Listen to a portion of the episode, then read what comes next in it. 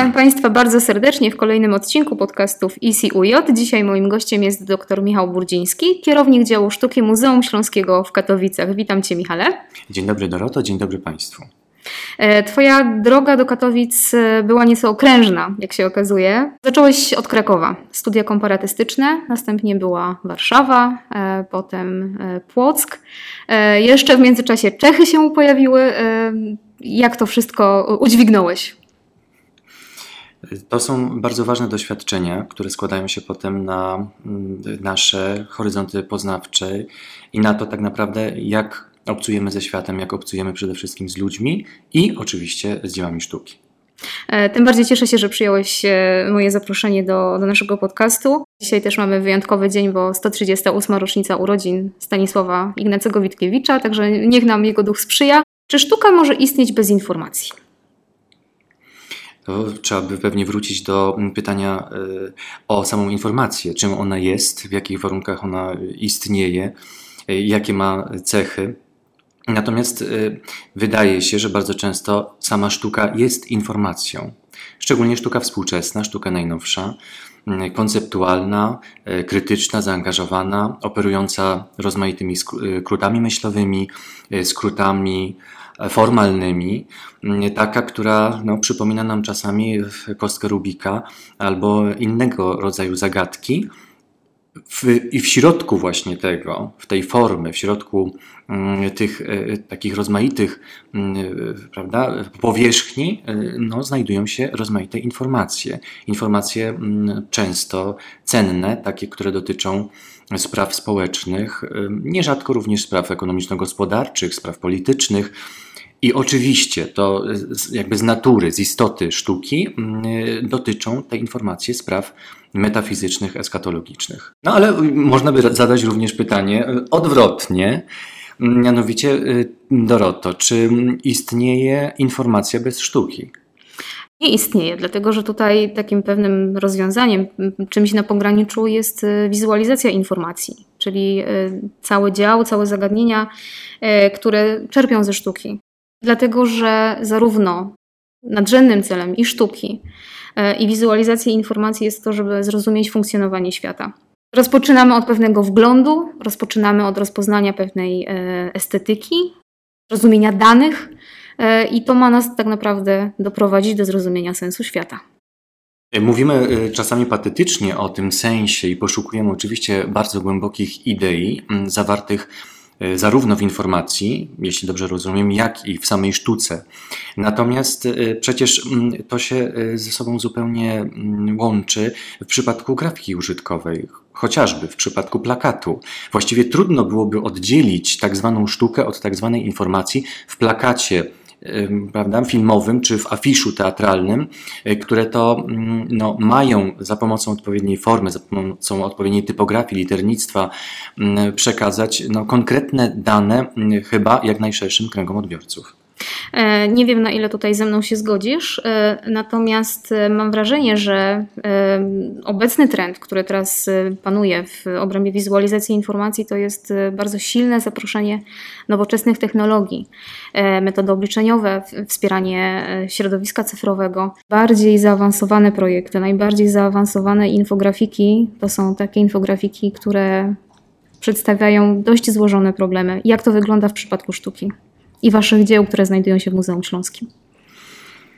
Rzeczywiście no, znajdujemy się e, na progu e, coraz to e, nowszych odsłon kontaktu z publicznością, kontaktu ze światem w ogóle.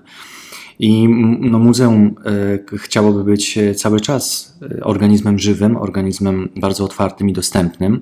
To oznacza, że nie ma takiej możliwości, żeby zrezygnować z technologii pozwalających na dostęp e, do informacji o muzeum, informacji o sztuce w muzeum, oczywiście, mm, właśnie e, e, szerokiej publiczności. Natomiast ja zawsze przestrzegam przed technologiami. Wydaje się, że mm, dążenie do mm, zespolenia, czy, czy wręcz pewnej jakiejś takiej niezdrowej fuzji świata realnego i świata wirtualnego niesie z sobą no, rozmaite niebezpieczeństwa. Ale przede wszystkim człowiek tutaj sprawuje kontrolę, tak? Więc człowiek jest y, takim podmiotem i, taką siłą sprawczą, która tak naprawdę decyduje, na ile te technologie zaprosić do siebie, do środka. Jak najbardziej. Rzeczywiście chodzi o to, w jaki sposób ludzie panują nad tymi technologiami, to znaczy, jak używają dostępnych im narzędzi. Warto zwrócić uwagę na to, żeby promocja dzieł sztuki nie stała się tak naprawdę zamiennikiem samych oryginałów. Wydaje mi się, że szczególnie w przypadku mm, młodych odbiorców, miłośników sztuki w, przyszłości, jak wierzę, y, trzeba mm, pomyśleć jednak o tym, w jaki sposób mm, doprowadzić do odpowiednich ram wychowania estetycznego.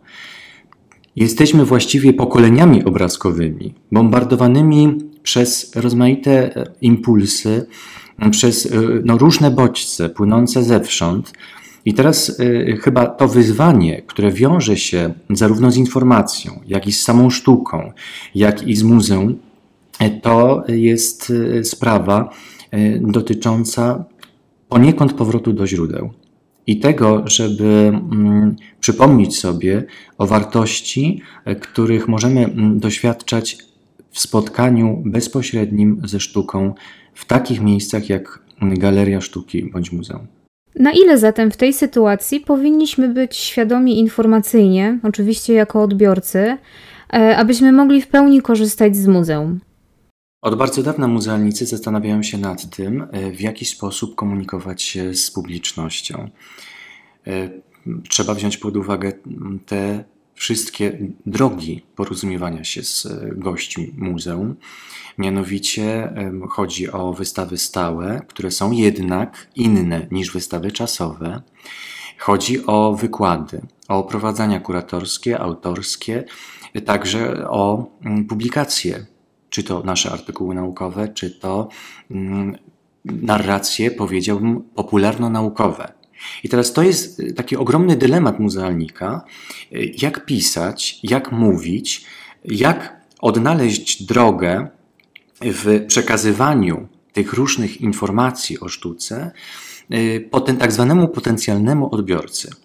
W sumie to taka moja teoryjka, mianowicie poszukiwanie odpowiedniego wachlarza słów, pojęć, stylistyki, całej retoryki właściwie, która to pozwoliłaby nam na e, no, znalezienie jednak e, pewnego mm, złotego środka między odbiorcą, który nie jest zaangażowany kulturowo w e, no, cały proces odbioru dzieł sztuki i jednocześnie mm, prawda, tego, który jest kulturowo dobrze wychowany.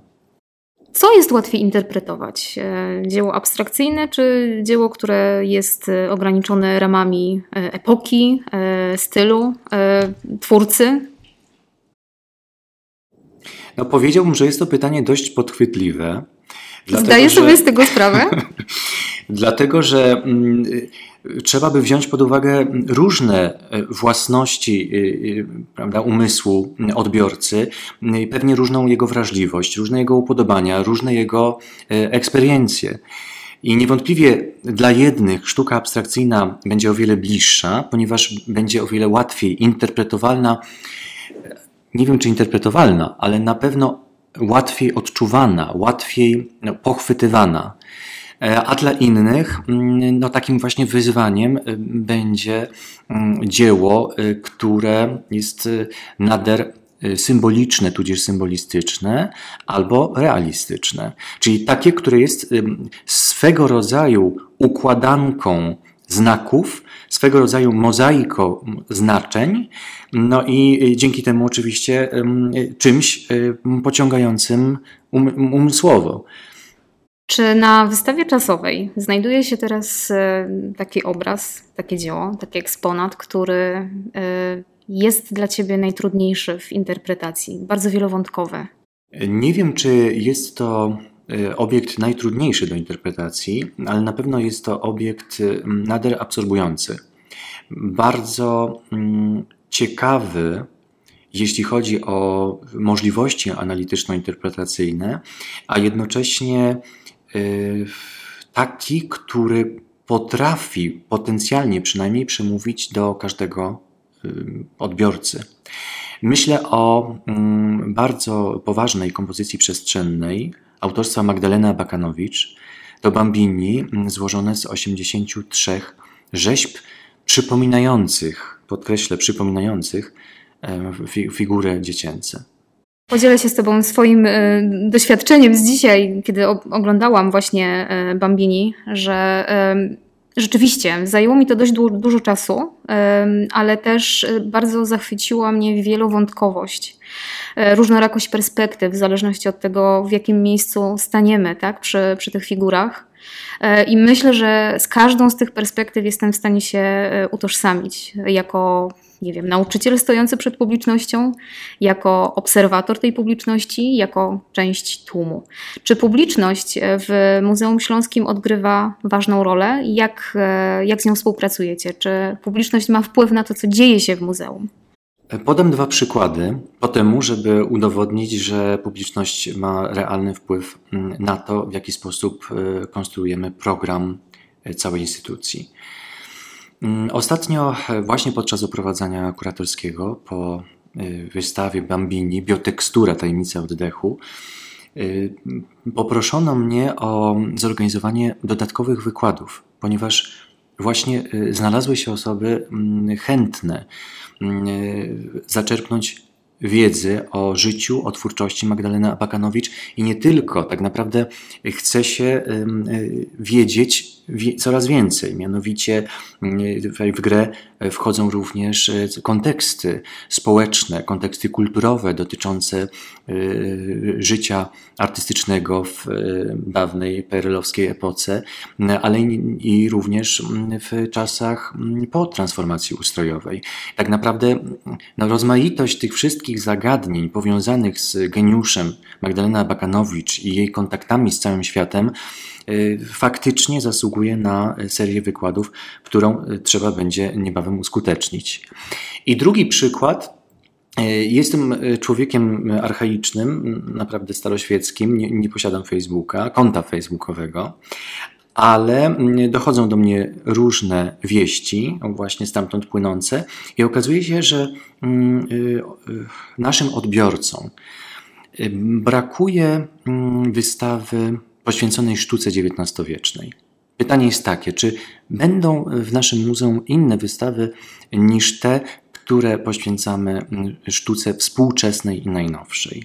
To naprawdę intrygujące, bo oczywiście nie tylko w mojej głowie y, cały czas y, jest ta myśl o powrocie do XIX wieku, do no, epoki niezwykle interesującej, pełnej y, różnych fenomenów i rzeczywiście trzeba będzie wkrótce mm, tę wystawę czasową przygotować.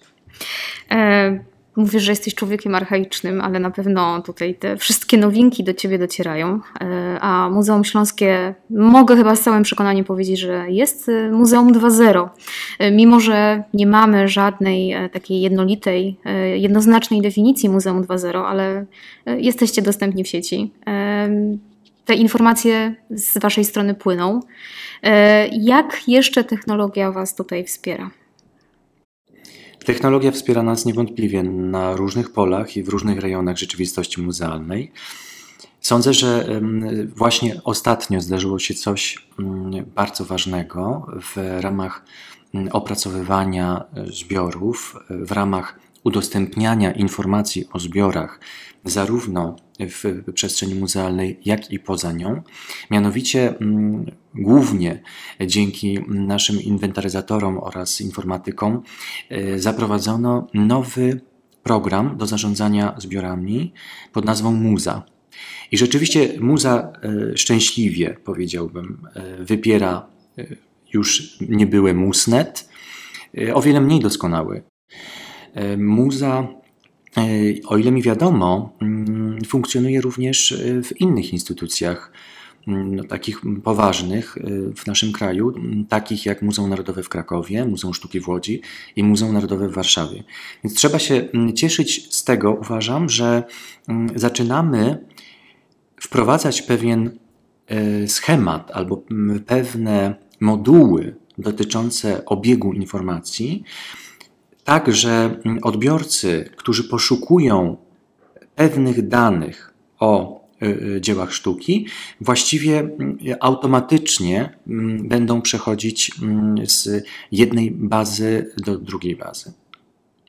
Jest to też e, zatem szansa na to, aby e, Muzeum Narodowe w Krakowie, Muzeum Śląskie w Katowicach, e, Muzeum Warszawskie, aby to stała się tak naprawdę taka jedna sieć, której wspólnym celem jest to, aby przybliżać sztukę publiczności. Więc, więc myślę, że to, to jest ważny czynnik. To znaczy, jeszcze chciałbym dodać tutaj coś istotnego.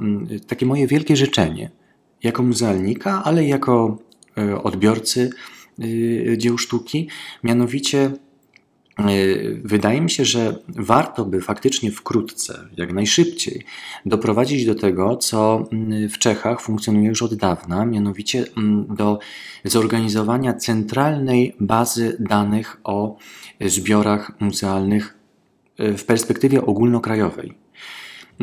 Oczywiście, no, e, powiedzielibyśmy, że mm, rozpiętość tych danych jest inna w przypadku czeskim niż w przypadku polskim, ale wydaje mi się, że mm, powinno to stanowić e, jeden z e, najistotniejszych priorytetów w polskim muzealnictwie obecnie.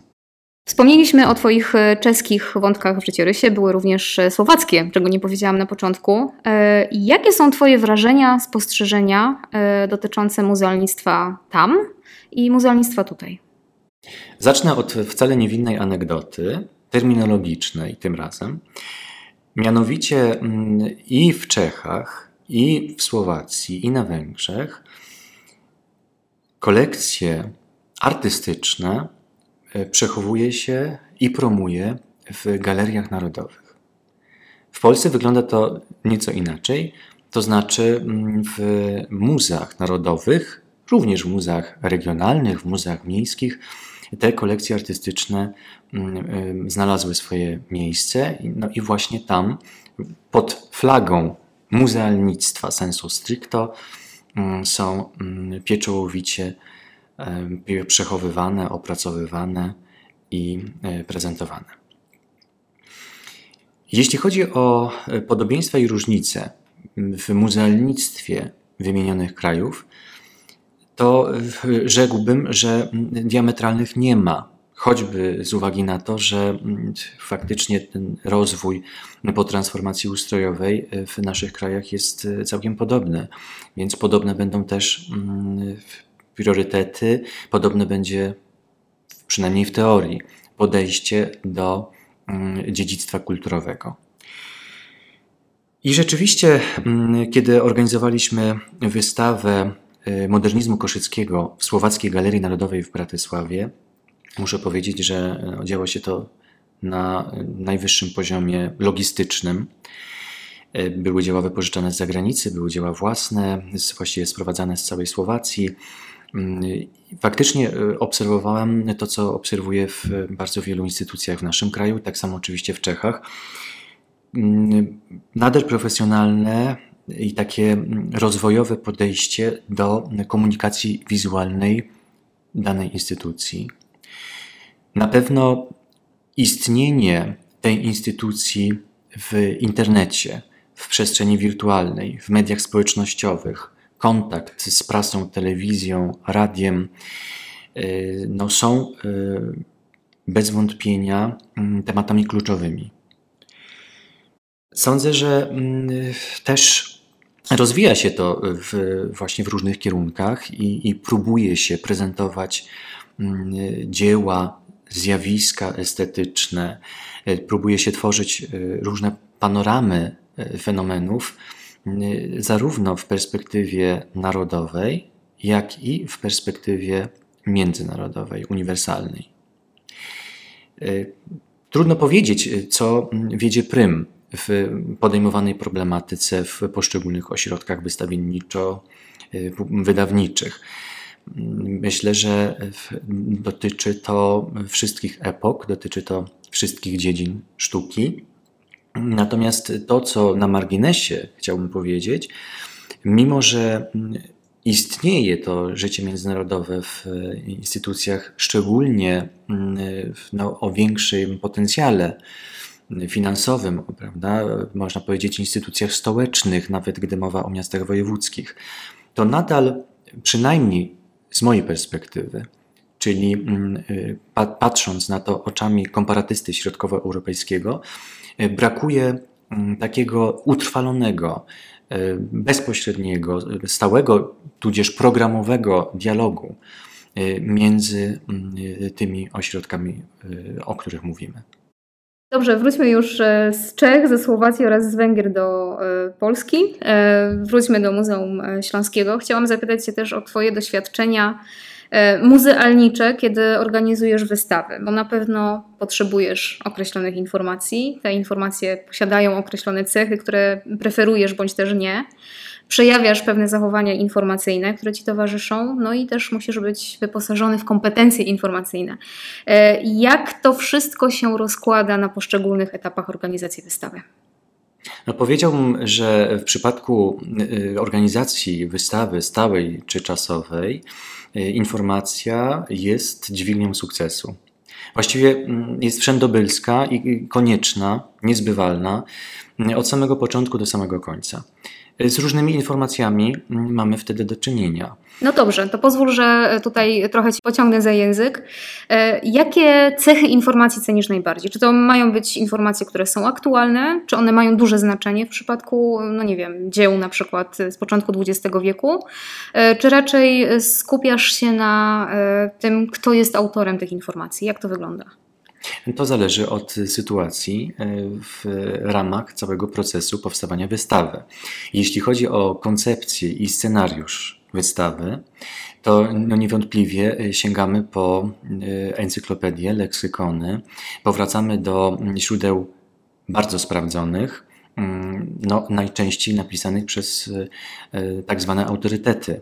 Ale nie tylko, bo tak naprawdę mm, e, nowe artykuły naukowe mm, czy, czy publikacje, e, pióra młodych badaczy mogą się okazać bardzo intrygujące i bardzo no, pobudzające do myślenia i do innego niż podejrzewaliśmy działania.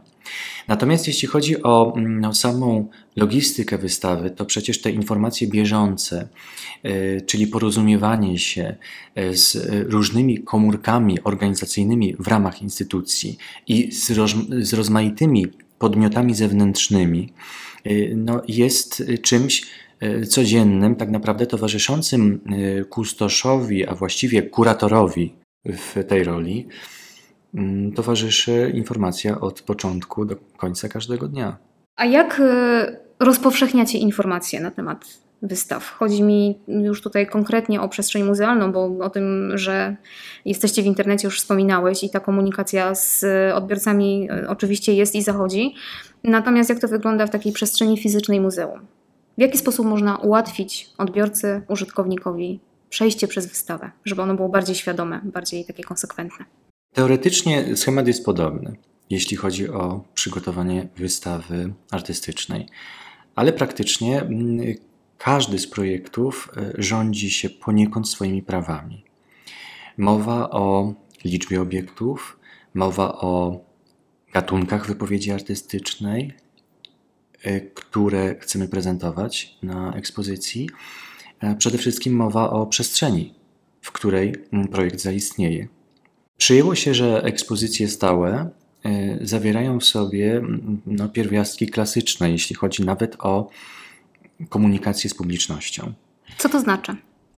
W tej chwili nie znajduję lepszego słowa na to, co powinno być klarowne, przejrzyste, no, takie, które pozwala odbiorcy dość szybko e, powrócić, czy też dotrzeć do intencji nadawcy.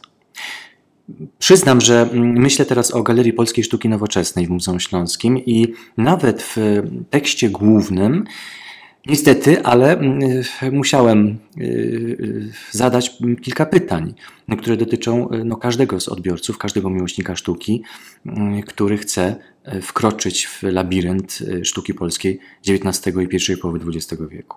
Zupełnie inne wrażenie odniosłam czytając opis wystawy Poza Edenem. Dlaczego? Jest to wystawa czasowa, poświęcona e, sztuce współczesnej, najnowszej, krytycznej i zaangażowanej w dużej mierze.